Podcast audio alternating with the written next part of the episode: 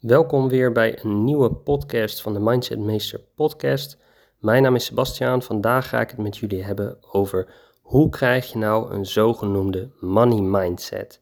Hoe krijg je een mindset die ervoor zorgt dat je zelf meer vermogen en eigenlijk geld en vermogen naar je toe zal trekken. Nou, dat zal natuurlijk niet eh, van de ene op de andere dag gaan, daar zul je aan moeten werken. En in deze podcast zal ik je wat tips geven hoe je dat kan realiseren. Ten eerste is het belangrijk dat je inziet wat de waarde is van geld. Um, en wat bedoel ik daarmee? Heel veel mensen, eigenlijk leer je dit niet op school. Uh, misschien heb je het van je ouders geleerd, die hebben je leren omgaan met geld. Maar hoogstwaarschijnlijk ook niet. En daarom is het goed om te weten van wat kan je met geld doen. Eigenlijk in de huidige maatschappij kan je alles doen, bijna alles. Um, dus geld is wel degelijk belangrijk en dat is waar ik vaak zie dat het misgaat bij mensen. Die benoemen dan geld is niet belangrijk. Uh, het maakt je niet gelukkig. Uh, daar ben ik het gedeeltelijk mee eens. In de zin van geld als middel. Is, geld is gewoon een middel, hè? maar je kan er bepaalde dingen mee doen uh, die jou waarschijnlijk wel gelukkig maken. Het hoeft niet zo te zijn dat je ongelukkig bent als je geen geld hebt. Maar de kansen zijn wel groter omdat je bepaalde dingen gewoon niet kan doen.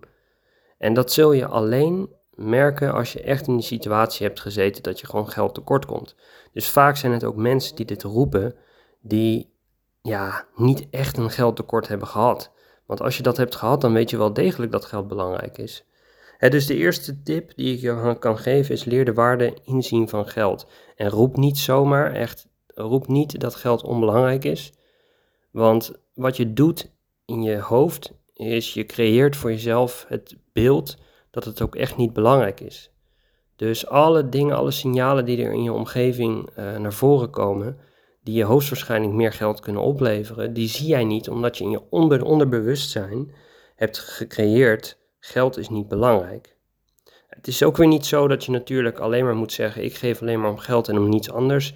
Dat is absoluut niet de bedoeling er zijn zoveel dingen waar je van kan genieten in het leven die uh, niet gericht zijn op geld, hè, zoals vrienden, familie. En dat is het meest belangrijk om in je achterhoofd te knopen. Maar daarnaast zijn er wel heel veel manieren die je ook met geld kan doen, die je gelukkig kunnen maken.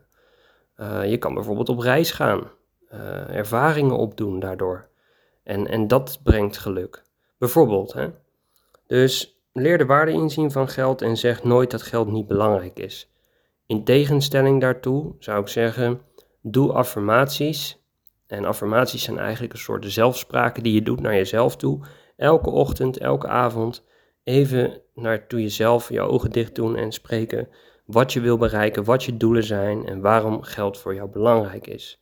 Want op die manier zal je je onderbewustzijn programmeren met uh, ja, een, een, bepaalde mindset die gericht is op uh, meer geld en uh, geld verdienen. En, en dat in tegenstelling tot armoede. Dus het zal niet van de een op de andere dag gaan, maar je zult zien dat als je dit consequent doet, elke dag, dat je op de lange termijn resultaat ziet. Daarnaast is het heel belangrijk om te weten dat er een verschil is tussen assets en liabilities. Ja, dit komt eigenlijk uit het boek van Rich Dad uh, Poor Dad van Robert Kiyosaki, een heel bekend boek. En daarin benoemde hij eigenlijk het verschil. En een asset, zoals hij dat noemt, is eigenlijk iets waar je in kan investeren wat je uiteindelijk meer geld zal opleveren. Dus eh, een voorbeeld daarvan kan zijn is een woning. Het kan ook een, in waarde dalen, maar hoogstwaarschijnlijk stijgt de waarde daarvan op lange termijn. Dus, dus een asset is iets waar je in kan investeren wat meer geld waard wordt. En een liability is iets, zoals hij dat noemt, waarin je, waar je geld in stopt, wat eigenlijk of minder waard wordt of niets meer waard wordt. Dus gelijk blijft in waarde.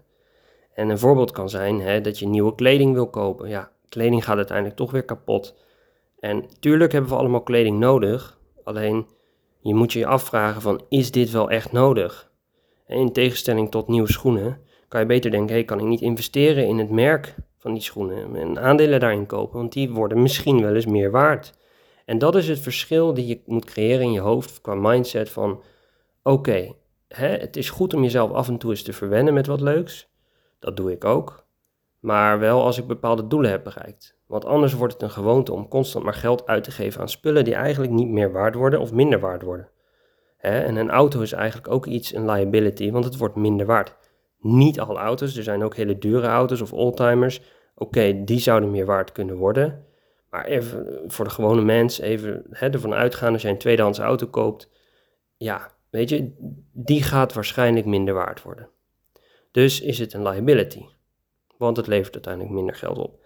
Dus dat verschil moet je in je achterhoofd houden. Als je dat weet en op die manier naar de wereld kijkt, dan zul je ook zien van. Tuurlijk hoef je niet gierig te zijn, maar je zult dan wel zien van hé, hey, dit is niet nodig. Ik heb dit niet per se nodig en het levert me niet geld op. Waarom zou ik dit doen? Heb ik dit verdiend? Weet je wel? Ehm, en daarnaast is het goed, echt niet verkeerd om hongerig te zijn. Hongerig in de zin van hongerig naar meer uh, vermogen. Waarom zeg ik dit? Ja, eigenlijk is dit ook, komt dit ook weer terug op het vorige punt. Als je in een situatie hebt gezeten dat je echt geld tekort komt, dan begrijp je wat ik bedoel. Want je hebt gewoon geld nodig. En het is helemaal niet verkeerd om hongerig te zijn. Waarom niet? Je zal merken dat als je echt geld nodig komt en tekort komt, dan zul je inventief worden. Je zult dingen gaan zien, uh, ideeën op ideeën komen waar je anders niet op gekomen zal zijn. Uh, die jou misschien een bedrijf opleveren of een idee opleveren voor een business uh, en meer geld zullen opleveren. Dus wees hongerig en ja, houd vooral niet vast aan, kijk, er is echt niets mis mee met uh, een loondienstbaan. Absoluut niet. Alleen knoop wel in je achterhoofd, kijk, jij verdient een salaris voor het werk wat je doet, maar eigenlijk voor de tijd die je besteedt aan dat werk. Hè, dus men gaat ervan uit dat je acht uur per dag bijvoorbeeld werkt, als je een 40 uur week hebt. Ja, dat zijn gewoon vijf volle dagen dat je aan het werk bent en je tijd moet inleveren. En in ruil daarvoor krijg je een salaris. Nou, prima, heel veel mensen vinden dat ook prima, maar wees je bewust van dat dit je wel slapende kan houden. Uh, en dat je misschien bepaalde goede ideeën die je hebt voor een bedrijf, daardoor laat gaan, omdat je in je comfortzone zit. Dus wees je ervan bewust dat hè, je ontvangt dat geld, maar wees je er altijd van bewust dat het niet zomaar gaat. Geld verdienen krijg je, niet, geld krijg je niet zomaar naar je toe. Dus um, wees hongerig en uh, laat je vooral niet slapen houden met een salaris. Als je echt een goed idee hebt voor een bedrijf, kan je het altijd naast je huidige baan proberen en zien hoe dat gaat. Nou, daarnaast zei ik al, van het doen van affirmaties is heel belangrijk, omdat je op basis daarvan je onderbewustzijn herprogrammeert. Nou, ik hoop dat je wat hebt gehad aan deze podcast en uh, bedankt voor het luisteren. Tot de volgende keer.